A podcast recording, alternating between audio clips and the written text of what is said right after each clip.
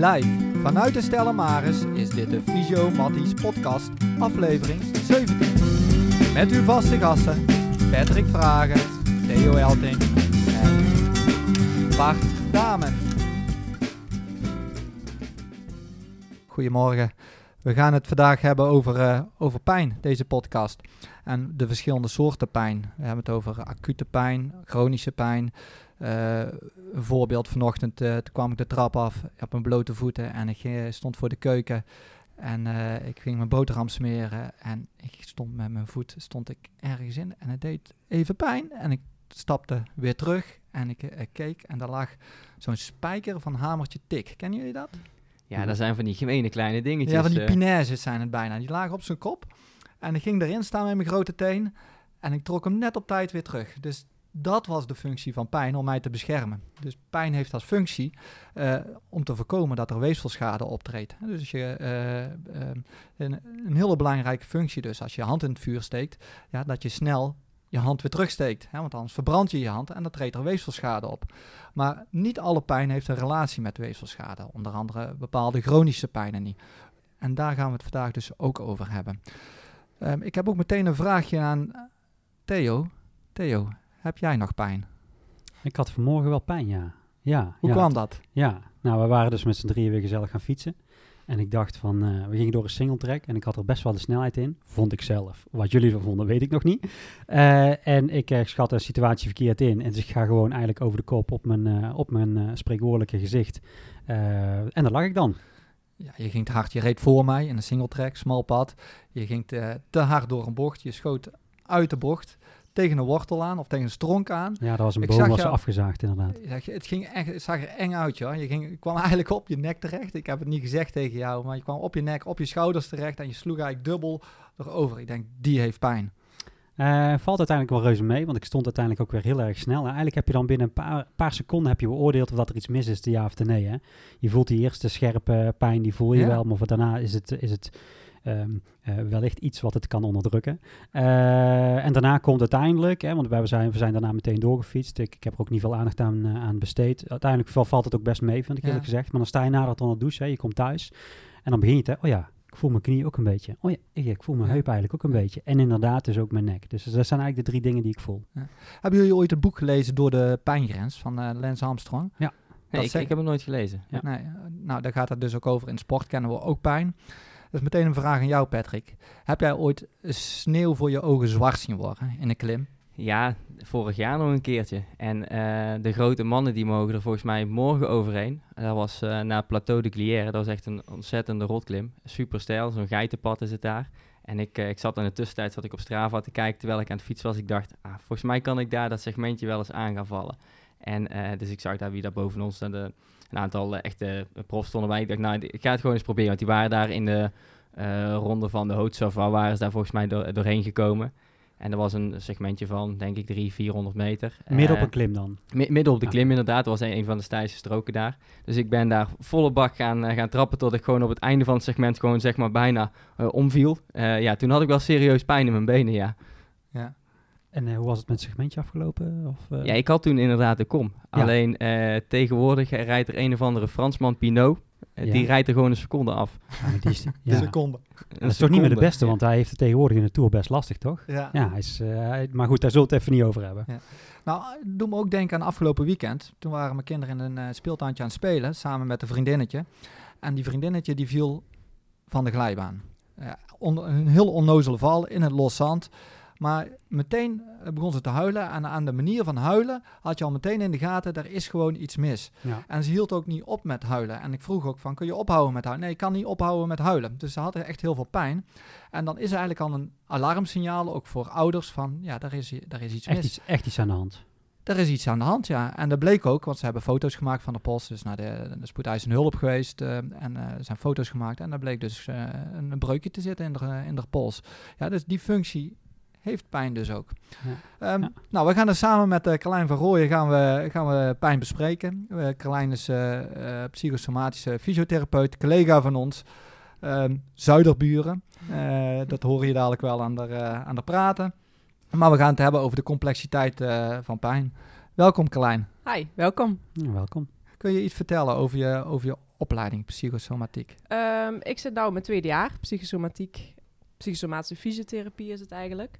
Ehm, ik ben vorig jaar afgestudeerd als fysiotherapeut. En ik ben eigenlijk ehm, een half jaar later erin gerold in de opleiding. Ik zit nu in mijn tweede jaar dus.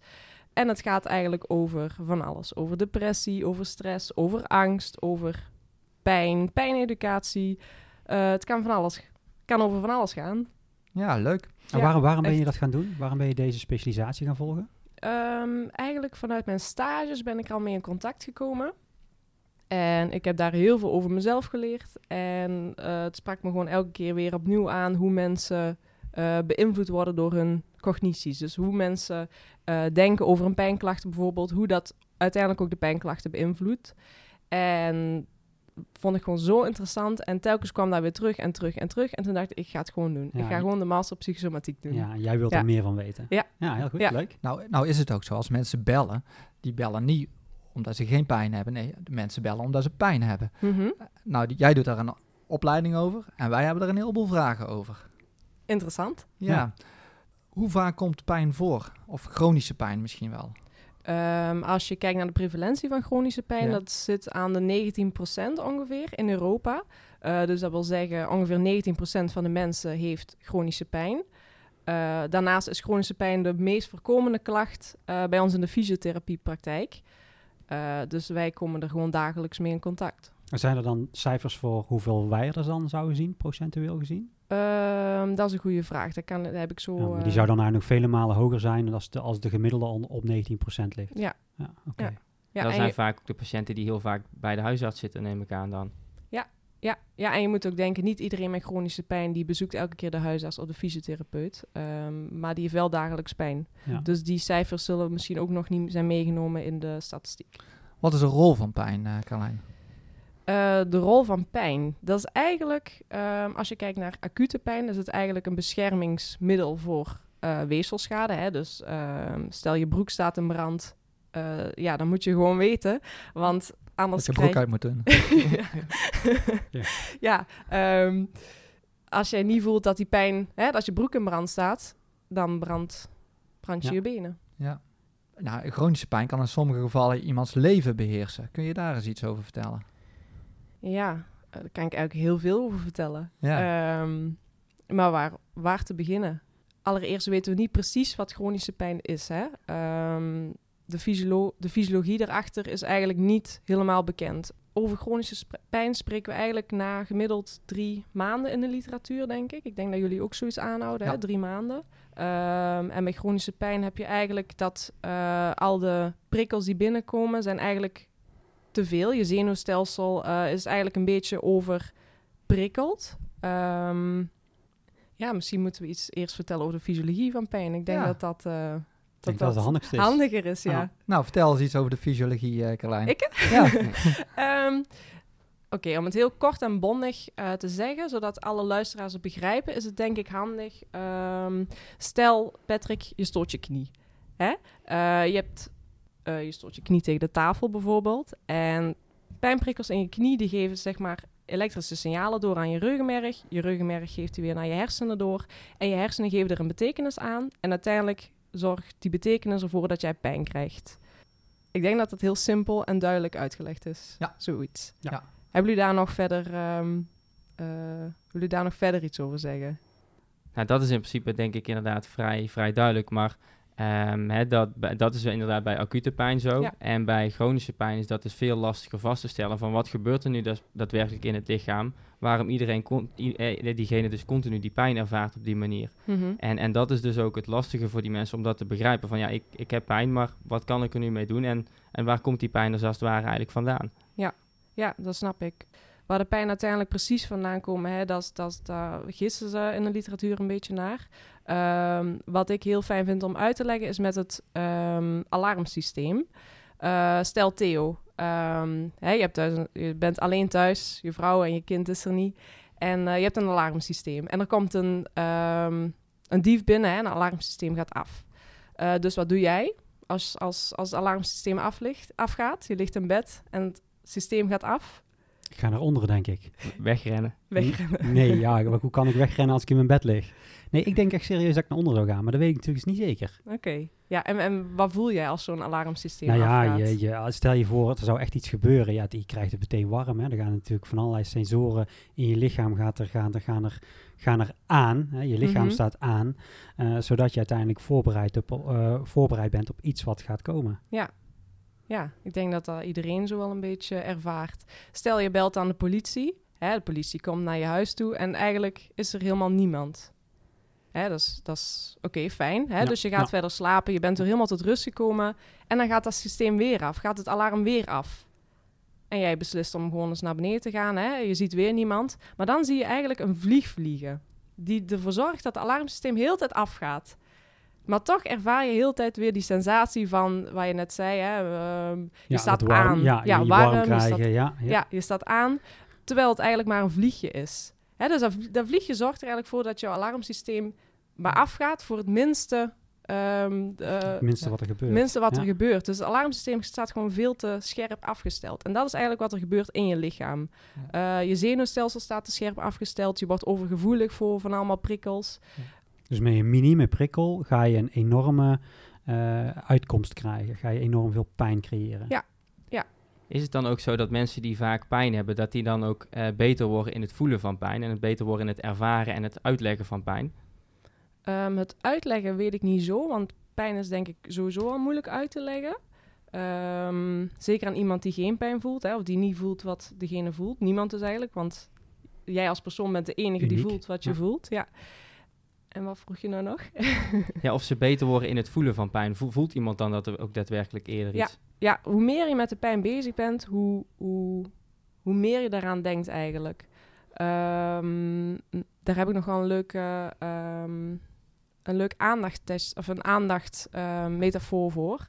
Ehm, dat is ooit een test voor geweest, selectief attention test heet dat.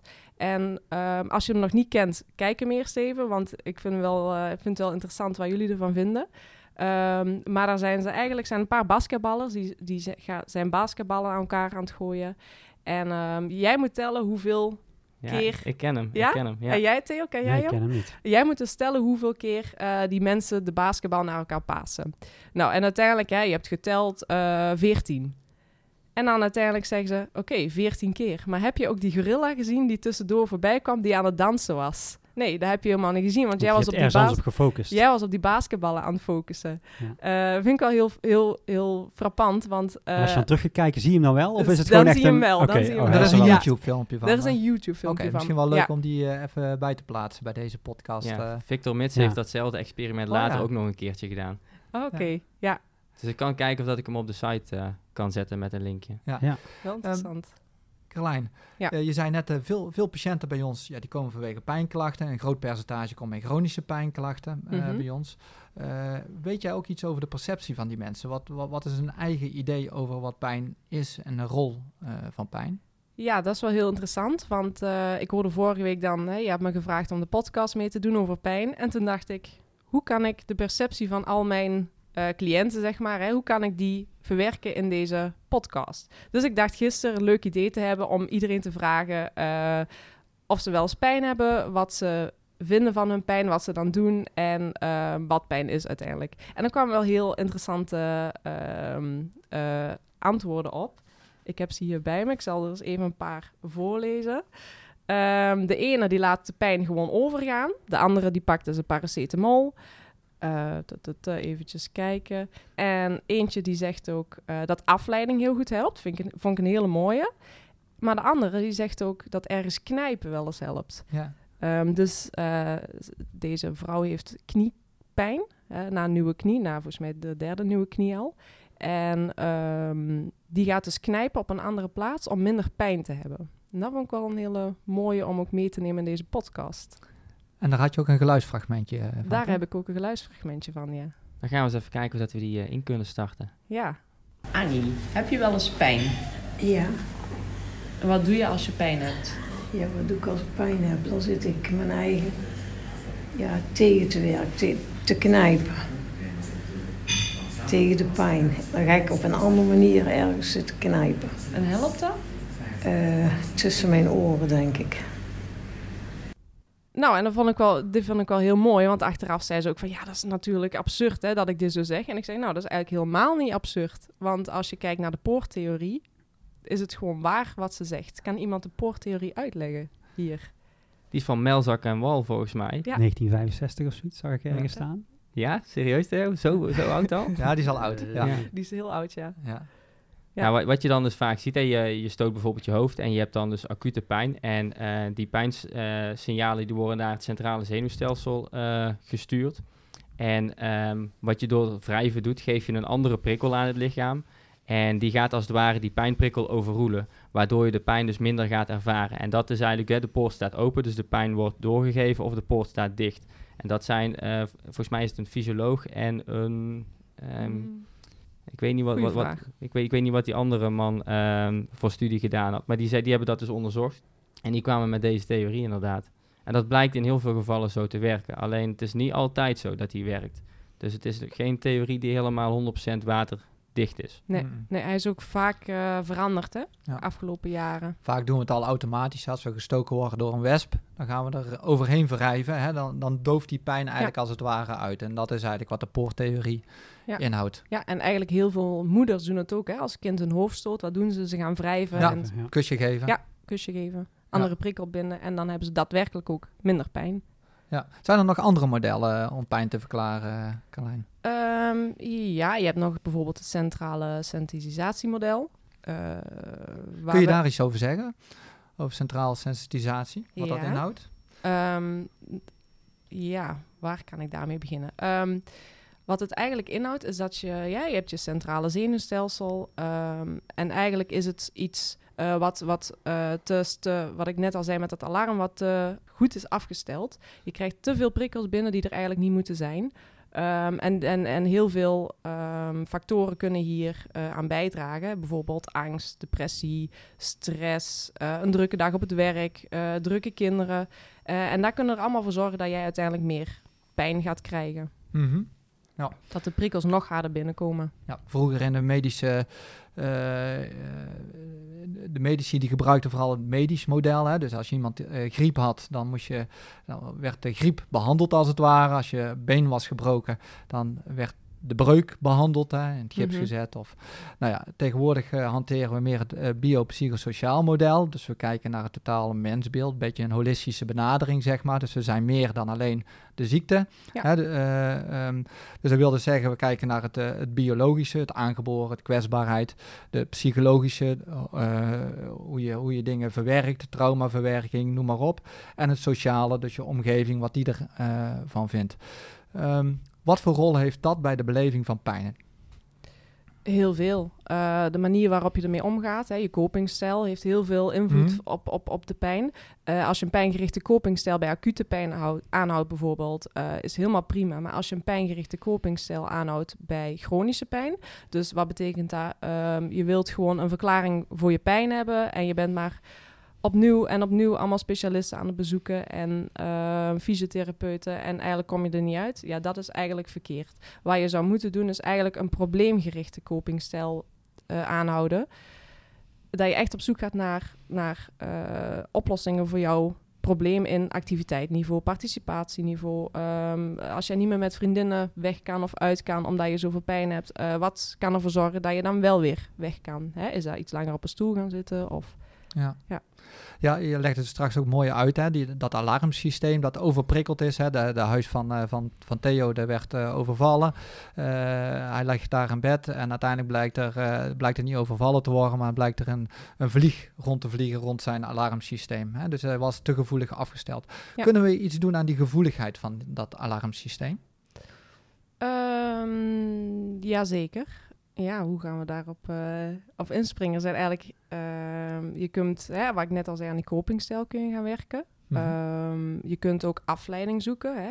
Wat ik net ook al zei met die aandachtstest, met die gorilla.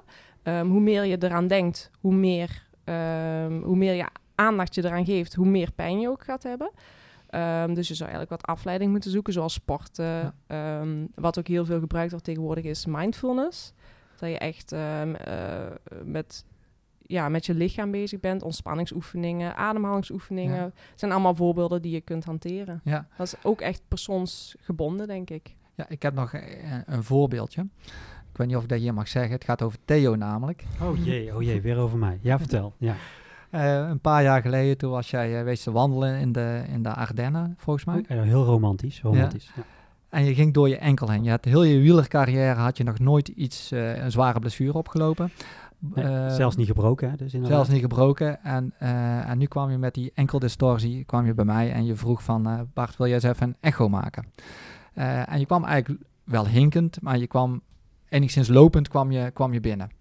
Uh, met de gedachte, ja, er is niet zoveel weefselschade. In ieder geval, ik ga even in jouw hoofd zitten, volgens mij dacht je dat. Dus ik maak een, uh, een echo en ik zie daar een uh, fractuur zitten.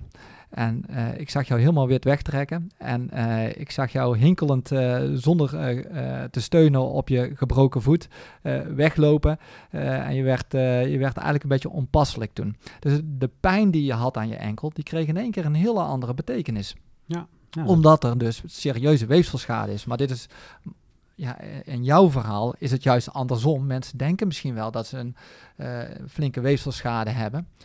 Uh, maar daar, daar, uh, daar is mogelijk niks aan de hand in de, ja. bij de chronische pijn. Dus die, die, die alarmsysteem is echt gewoon overprikkeld. Ja. Kunnen we daar iets met educatie iets mee doen? Um, ja, ja, zeker. Pijneducatie is heel, um, heel handig bij chronische pijnpatiënten. Um, daar ben ik, moet zeggen, ik ben daar nu nog volop mee, mee in mijn studie mee bezig. Dus uh, het is gewoon heel lastig. En zeker om door te, drinken, door te dringen soms tot uh, cliënten. Staan, ja. ze daar, staan ze daar inderdaad voor open? Snap, snappen ze het? Ja, dat ze het zouden kunnen ja, beïnvloeden, dat, dat wellicht. is echt cliëntafhankelijk. De ene staat er voor open en de andere niet. Maar vaak degenen die er niet voor open staan, die blijven ook een beetje in, het, in die visieuze ja. cirkel zitten. Um, maar degenen die voor open staan, uh, als ze eenmaal dat, van dat alarmsysteem hebben gehoord bijvoorbeeld, oh, dan, dan zie je ze in één keer glunderen van... Oké, okay, het zit niet tussen mijn oren. Hè, dat hoorden we net op dat geluidsfragment ook. Uh, ze zei iets van, uh, het zit, ik denk dat het tussen mijn oren zit uiteindelijk is het ook, want je brein zit tussen je oren. En in je brein ja. wordt er een betekenis aan gegeven. Um, maar het is gewoon, je zenuwstelsel is gewoon overprikkeld. Ja. En uh, het, nee, pijn heb je. Uh, pijn is altijd wel subjectief, maar de pijn die je voelt, ja, die voel je gewoon. En die zit niet tussen je oren, die is gewoon echt. Ja. Wij zien ook veel mensen met artrose bijvoorbeeld. Artrose is een normaal proces van ouder worden. Um, uh, ook met, met fractory, uh, met MBST-behandeling zien we mensen met, uh, met ernstige artrose. Um, ik heb wel eens ooit dat mensen foto's opsturen, dat ik de foto's ga beoordelen en dat ik daar zie op die foto's dat er bijna geen kraakbeen meer is. In graad 4 en dat ik mijn eigen afvraag van, ja, hoe, hoe komt, kan die nog functioneren? Precies, hoe komt zo'n mens, zo'n persoon dadelijk binnen in ja. mijn wachtkamer? Ja. En dan komen ze gewoon lopend binnen en dan vraag ik uh, aan hun, uh, wat is je vraag? Wat, wat, kom je, wat, wat kom je doen? Nou, als ik toch op dinsdagavond ben wezen tennissen, dan is zondagdaags mijn knie zo stijf. En dan denk ik, heb ik dan wel de juiste persoon voor me? Ja. Ja, want die, er zit geen kraakbeen meer. Met, met andere woorden, hè, de, de weefselschade die er is, die heeft vaak niet echt een relatie met de klachten die iemand ervaart. Ja. En andersom ook, hè. er komen ook mensen die sturen foto's op en dan denk ik van hey, er is bijna er is niks, niks aan de hand. hand. Ik zie helemaal niks aan, de, aan, de, aan die knie. En die komen met, met krukken binnen, omdat mm-hmm. ze zoveel pijn aan hebben. Ja, dus uh, uh, de beeldvormend onderzoek die we, die we gedaan hebben, heeft uh, bij lange na niet al, geen relatie met, met de klachten die, die, iemand, die iemand heeft. Ja. En dat is wel heel interessant, vind ik altijd. Ja, Waar zeker. ik zelf naar op zoek ging, hè? ik, ik, ik was te zoeken, en de erfelijke bepaling, is er daadwerkelijk iets over bekend, of ja, ja of nee? Weet jullie dat? Ik wat, weet het niet. Wat bedoel je met erfelijke bepaling van pijn? Ja, dat dat dus uiteindelijk in de ene families of de ene persoon daar beter uh, tegen zou kunnen uh, uh, als, als een ander. En sterker nog, bepaalde culturen mm-hmm. zou, zou bepaalde mate van, van omgang met pijn zou, zou aan de ene kant erger zijn als aan de andere kant. Ja, cultureel gezien wel, denk ik. Ja. Omdat vaak ook dan de pijn een andere betekenis krijgt. Met name bij mensen met een, een, oorsprong vanuit meer richting het Midden-Oosten en, en Noord-Afrika die hebben vaak een, uh, wat ik dan vaak zie, die hebben een pijnbeleving, maar dan heel hun lichaam is pijn. Alles is dan pijn. Hè? Dus alles staat in het teken van die pijn. Dus die hebben een, een andere manier van omgaan met, met die pijnklacht dan uh, mm-hmm. dat we meer hier in West-Europa zien. Ja. Heeft daar misschien ook te maken, ze gebruiken daar ook andere pijnmodellen. Hè? In eh, de Oosterse wereld, eh, China, de yin-yang. Dat, eh, dat moet een evenwicht zijn wat ze, wat ze heel erg gebruiken. Ik weet in Marokko bijvoorbeeld, daar, daar hebben ze het over... het zal Allah zijn, zijn, zijn wens wel zijn dat, je, dat je pijn hebt. Of er wordt aan die, de demonen wordt, het, wordt de pijn Hm. toege- toegeschreven. Bij de westerse wereld kennen het centraal sensitisatiemodel en de poortheorie. En wij gaan het heel theoretisch benaderen, zeg maar, eh, eh, de pijn. Ja. en, ehm, eh, misschien heeft het daar ook wel iets mee te maken, hè, dat Mhm. de, de, de, de benadering van pijn in de verschillende culturen ook gewoon anders is. Ook vanuit de medici. Ja, en ook het gezin waar je bent opgegroeid, denk ik. Ik denk dat pijn ook veel te maken heeft met aangeleerde patronen. Hè, als jij eh oud zegt en iemand zegt, oh, wat is er aan de hand? is eigenlijk een beetje een, een beloningsmodel dat je dan krijgt, hè, omdat je dan reactie krijgt op het woord oud. Ja. En als kind leer je dat eigenlijk al, ehm, dat het zo werkt. Ja. Ik vind, ook wel interessant, ik wil even teruggaan naar het voorbeeld van, eh, van Patrick. Die is daar die berg omhoog aan het rijden en die ziet daar eh, sneeuw eh, voor zijn zon, voor de, voor de sneeuw op de berg zwart voor zijn ogen worden. Die heeft heel veel pijn en toch wil hij het nog een keer. Hè, dus het, ergens komt er toch een gek. hormoontje vrij. Hij is gek. Ja, komt er een hormoontje bij wat hem toch een fijn gevoel geeft. Welk hormoontje is dat, eh Carlijn? Endorfine? De endorfine, ja. Ja, en dat is toch die kick waar je dan als sporter naar op zoek bent. En eh, Jens Voigt die heeft daar ooit een, eh, een, een uitspraak over gedaan. En die zei dan altijd gewoon tegen zijn benen: Shut up, Lex, it's only pain. dus je kunt, je kunt er wel gewoon doorheen gaan. Je kunt je eigen daar doorheen zetten. En de- ik Mhm. denk dat dat in de topsport is, iets is wat, wat diegenen die daar eh, in uitblinken, misschien juist nog net meer eh, eh, toe in staat zijn dan, dan anderen. Dan, dan bijvoorbeeld een amateur als ik. Ja. Dat ik toch minder diep kan gaan, dat ik daar minder in kan verdragen dan dat Moet zij dat leren. kunnen. Moet je leren. Ik denk, ik denk het ook een kwestie van, hè, je moet het pas persoon zijn, dan moet je het kunnen. Hoe ga je er zelf mee om? Het eerste wat ik straks eh, gevallen was, ik, eh, hoe lang heb ik op de grond gelegen? 20 seconden en ik stond. En het is gewoon eh, niet zeuren en doorgaan, hè, mits je op kan staan. Dus het is ook een beetje wat je, wat je daarin meekrijgt, hoe je opgegroeid bent. Maar je kunt het leren. Want als ik nu uiteindelijk, een, hè, ik zit nou even te denken, die mannen rijden vandaag Tour de France. Ze hebben twee bergen hebben ze erin zitten. Eh, het zijn kleintjes, nee, hele grote. Het is continu een gevecht met pijn natuurlijk. Hè? Want die mannen die hebben al zere benen als ze starten. Dan moeten ze nog proberen in de kopgroep te zitten. Je moet al denken van ja, ik heb zere benen. Wil ik überhaupt wel meezitten? En toch zijn, er, toch zijn er jongens die weer wegrijden. Die mannen zitten daar op zo'n klim. En wat bepaalt nu uiteindelijk ehm, of dat je nu afhaakt of uiteindelijk toch weer mee bent? Dat is super interessant, want die hebben allemaal pijn. Ze hebben allemaal pijn. Maar het mentale gedeelte bepaalt uiteindelijk of dat Ja. je afhaakt, ja of nee. Kun je er die dag tegen, ja of nee? Hè, want ik deed af en toe gewoon voor, eh, eh, stel je voor, eh, ik reed een klim. En een, een tactiek was bijvoorbeeld, ook al had ik veel pijn, dan deed ik proberen niet te ademen. Dan ging ik drinken als ik langs iemand reed hè, in een wedstrijd. En dan deed ik hem gewoon rustig Imponeren. terugzetten.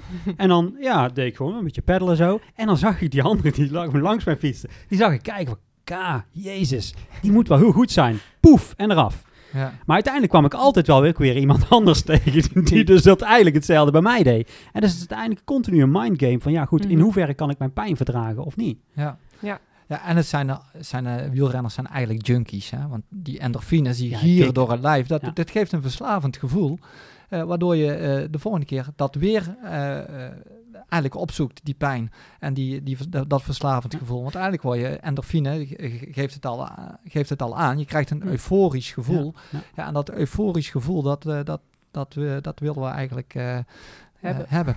Nou ja, die kunnen, we dat, kunnen we dat gebruiken in, eh, in het bestrijden van, eh, van pijn? Even kort door de bocht gezegd, eh Carlijn. Eh, ja, ehm, niet alleen eh, ehm, endorfine, maar ook serotonine, dopamine hè, komen allemaal vrij.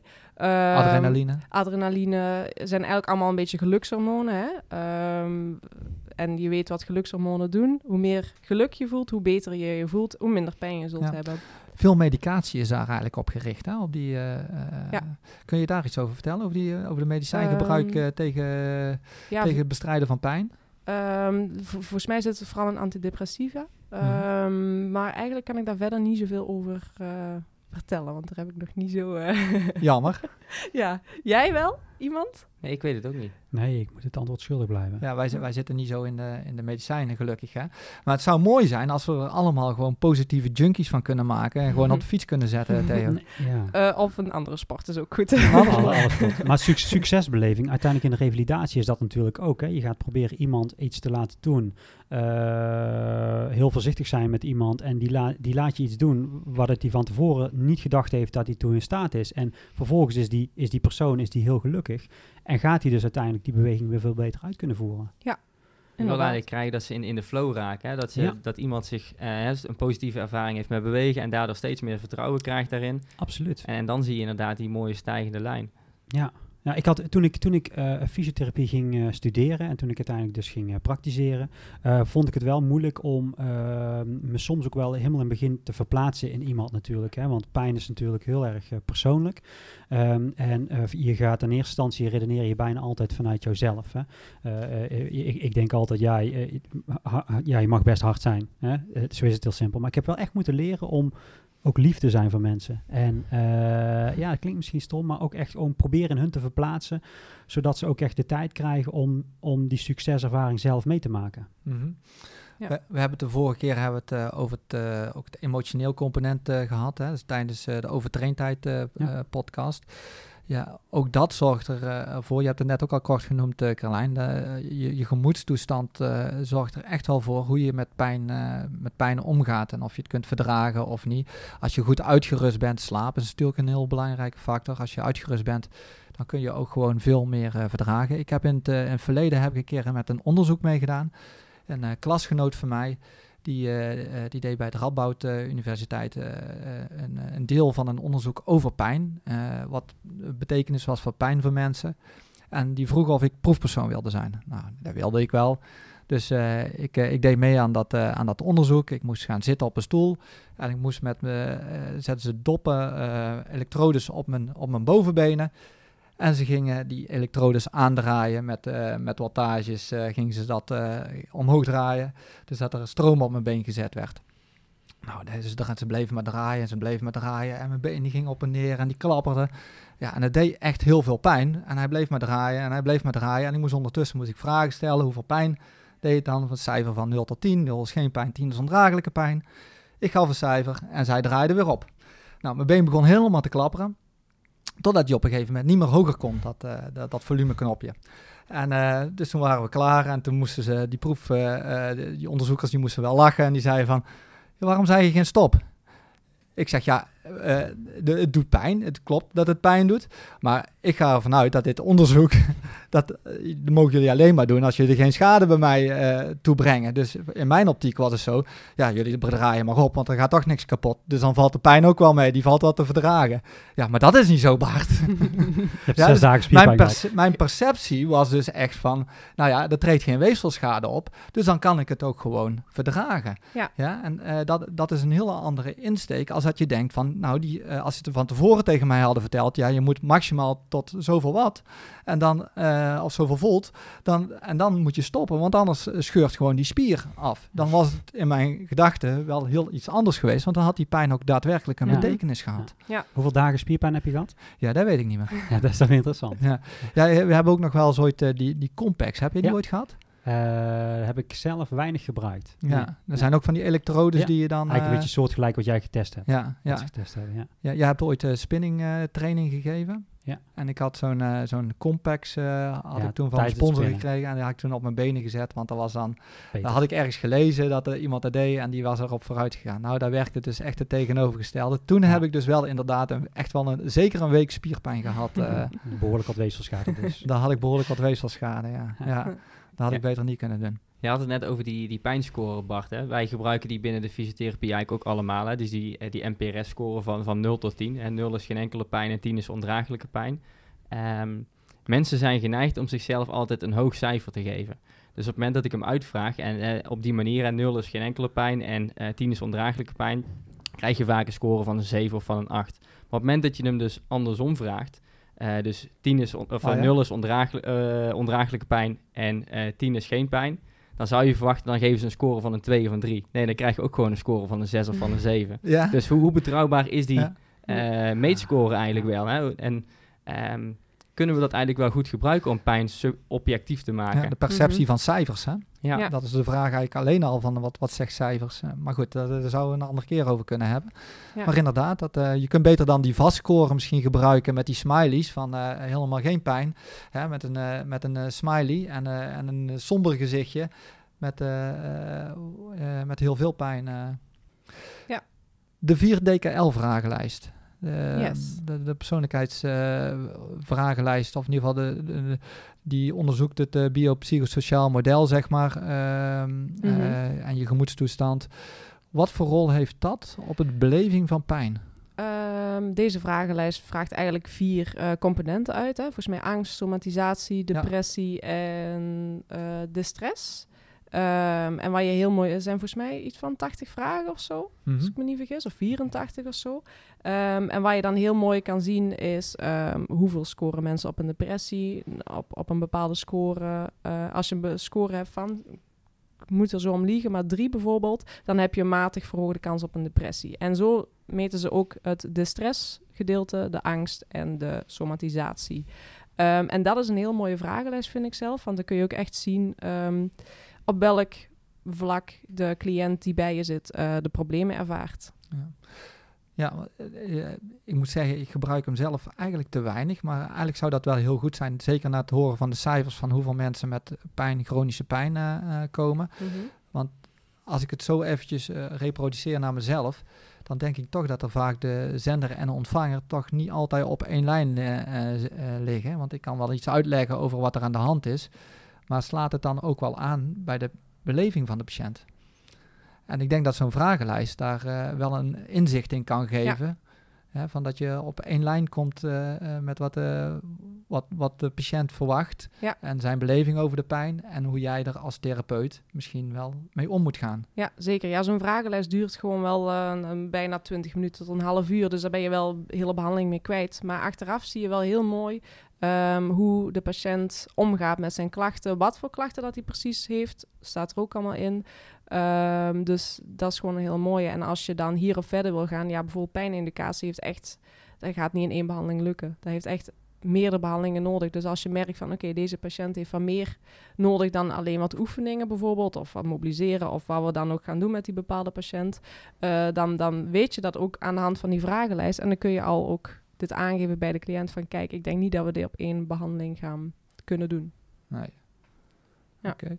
Zijn er nog nieuwe inzichten van, van eh, deze International Association of eh, Pain eh, Institute, waar eigenlijk de, de, de nieuwste inzichten al in verzameld worden op het gebied van, van pijn? Ehm, eh, weet je daar iets van, Carlijn? Ehm, ik heb de definitie even opgezocht. Ehm, Over pijn bedoel je? Ja, over pijn. Ja. Oh ja? Ehm, ik weet niet of het interessant is om hier te zeggen. Ik denk dat die nogal moeilijk verwoord is voor sommigen. Ehm, maar wat er eigenlijk uitkomt is dat eh, prikkeling van nociceptoren, dus echt van het pijnsysteem, niet daadwerkelijk noodzakelijk is om ook pijn te ervaren. Dus wat ze eigenlijk zeggen is dat pijn eh, twee componenten heeft. Dus dat is e- gewoon wel de sensorische input. Hè? Dus je stoot je knie en eh, uiteindelijk voel je daar pijn. Maar ook de, de interpreta- interpretatie die je brein eraan geeft. Mhm. Ehm, en dat is voor iedereen verschillend. Ja. Ja. en dat is eigenlijk wat die definitie eh, ook zegt. Dat het niet alleen maar eh, de weefselschade is die de pijn beïnvloedt, maar ook de, je brein. Ja, no nociesensoren bedoel je eigenlijk met de, de, de bekabeling van de auto. Eh, en de, de, de auto die heeft dan een, een benzinemetertje. Alleen als die bekabeling stoort en de benzinemetertje geeft, geeft, geeft aan dat hij in het rood zit, maar de, de tank zit eigenlijk nog vol met benzine. Ja. Ja? Ja, Je kijkt zo van... eh, ik was even... Nee, nee, nee. Maar ja, ja zo kun je het eh, ook zien inderdaad. ja, ja. Ja. duidelijk. En ehm, kijk, uiteindelijk heb je per dag heb je zoveel eh, input naar je hersenen toe. Dus je hersenen moeten uiteindelijk ook gaan filteren tussen informatie. Hè? Ehm, stel Bart, je loopt op straat en je ziet een vrouw met gewoon een casual grijze trui aan. Denk je dat jou dit opvalt? Dat weet ik niet. of misschien een- Waarschijnlijk niet zo. En, Nee? Nee, ik denk, ik denk dat mij dat ook niet opvalt inderdaad. Maar je loopt verder en je ziet een eh, man zitten, gehurkt op zijn knieën met een enorme bilspleet. Denk je dat dit jou opvalt? Eh, helaas wel. Maar dat is eigenlijk dus de, de, de taak van je brein. Die gaat al die informatie filteren van belangrijk naar onbelangrijk. ja. Ehm, Heel belangrijk, Bart. ja, Ik krijg het nou niet meer uit mijn hoofd. ik had een vrouw moeten pakken. Een vrouw met een enorme beeld. Ah, Ja. dat is misschien niet even aangenaam ook, maar goed. Ehm, Je weet wel dat Bart een beelddenker is, hè? Ja, dit neemt hij wel mee naar... eh, Dat neem ik echt zeker de hele dag mee, ja. Ja. ja, maar uiteindelijk is het ook je brein die ehm, een... gradaties aangeeft, wil Ja, je zeggen. En ja. belangrijkheid. Ja. Dus die, die grijze kooltrui, die zal ik minder belangrijk vinden als, eh, bilspleet. als die bilspleet. ja. Nee, dat is helemaal duidelijk, ja. Ja. Ja, we kunnen over pijn kunnen we het, eh, kunnen we het gewoon heel veel hebben. Eh, heb jij nog iets wat, wat je echt eh, eh, eh, zou het willen, willen vertellen, Carlijn? Oh, misschien nog een keer over dat voorbeeld van net. Eh, ik weet niet of dat helemaal duidelijk was, maar als we het naar pijn eh, gaan bekijken. ehm, jij zei dat daar net iets over eh, die penaise waar je bijna instak, eh Ja. intrapte. Ja. Eh, maar dat doet hè, enorm veel pijn waarschijnlijk. Maar stel, er zit hiernaast een dierentuin. Mhm. ehm, en er is een leeuw ontsnapt. En die leeuw die komt, die, eh, die zit hier binnen in de praktijk. En jij ziet die leeuw en die Ja. oren naar achter en die wil jou aanvallen. Jij rent weg, maar ondertussen trap je in die punaise. Ja. Maar dan voel je op dat moment waarschijnlijk helemaal niet meer, omdat je zo aan het Ja. vluchten bent voor die leeuw. ja, bizar. En dat is eigenlijk ook wat pijn doet. Hè? Als jij nu gewoon eh, gericht bent op, oh, een punaise, ik trap erin, auw, dat doet pijn. Maar als je achtervolgd wordt door een leeuw, dan voel je die pijn niet eens meer. Dus dat is eigenlijk ook wat je brein doet met de pijn en het filteren. Ja, er zijn, er zijn hele bijzondere verhalen van. Hè? Van eh, vrouwen waarbij hun kind bijvoorbeeld onder een, een, een auto ligt die in één keer een auto op kunnen tillen. eh, hè? Dan, eh, die, die voelen gewoon al die sensoren niet meer, omdat de belangrijkheid van, eh, van hun kind eh, eh, eh, eh, op nummer 1 staat. Ja. En zo zijn er, eh, zijn, zijn er heel veel verhalen inderdaad, waar in één keer heel het systeem gewoon platgelegd wordt, omdat het overlevingsmechanisme eh, de boventoon eh, Ja. Ja, inderdaad. Zo had ik ook ooit een verhaal gehoord met, eh het was een paar jaar, of ja, wel tien jaar geleden of zo volgens mij, met een file en er was, er was mist en een hele grote eh, kettingbotsing. En eh, er zat een man in een vrachtwagen en die, ehm, er kwam iemand helpen en die zei, gaat het, gaat er, alles goed? En die man zei, ja, ga eerst de rest maar helpen, bij mij is alles goed. Maar uiteindelijk bleek dus dat hij ergens in de vrachtwagen zat met een half been. De Ja. been was er gewoon helemaal afgerukt, maar hij was zo in die adrenaline Ja. en bezig met andere mensen van red eerst de andere, dat hij zijn eigen been eh, niet eens had gevoeld Ja. dat hij eraf lag. Bijzonder, Ja. ja. ja. je, nou ja, dat is dan iets anders, maar je ziet het ook bij, bij vrouwen hè, die bevallen zijn. Hè. Waarom zouden ze een tweede of een derde kind nog willen? Hè? Want schijnbaar doet het ook ongelooflijk veel pijn. Ja, en dat heeft dan ook wel met die endorfines te maken. Hè? Want het geluk van de eerste huil, eh, ja. heel eerst, eh, eh, eh, ehm, als de baby eruit is, begint te huilen en het, het gelukshormoon komt dan omhoog. En dat Ja. het in één keer allemaal vergeten is. eh, ja. Maar Toch zal de associatie van de eerste bevalling natuurlijk wel meegenomen worden naar een, een mogelijke volgende. Heb je een semi-succeservaring of is het echt wel heel, Ja, heel, ja, ja, heel erg heftig? Hè? Ja. Dat kan Ja. het zijn. Ja. Ja. Pijn heeft een grote rol in, ons, in ieders leven eigenlijk. Voor iedereen, ja. Voor iedereen. En dagelijks, overal. Ja, ja, één op de vijf mensen heeft dagelijks pijn, dus dat is eh, enorm eigenlijk. Hè? Ja. Tel maar op straat, 1, 2, 3, 4, 5, dat is hem. Ja. Ja. Ja. Ja. Oké. Gaan we afsluiten? ik, ik vind het mooi geweest voor vandaag. Ja. Ja. Dan Ja. eh, zet ik hem in. Yes. Vragen, opmerkingen of rectificaties mogen gestuurd worden naar info.fysio-sportrevalidatie.nl Klein bedankt. Graag gedaan. Ja, we leuk. komen er misschien nog wel een keer op terug. Ja. Ik vind het wel een, eh, een onderwerp wat, eh, wat misschien ook wel in meerdere podcasts eh, misschien terug gaat, eh gaat Super breed onderwerp, ja. Ja. Heel goed, heel goed. Yes. Tot de volgende. Tot de Tot de volgende. Doei. Doei.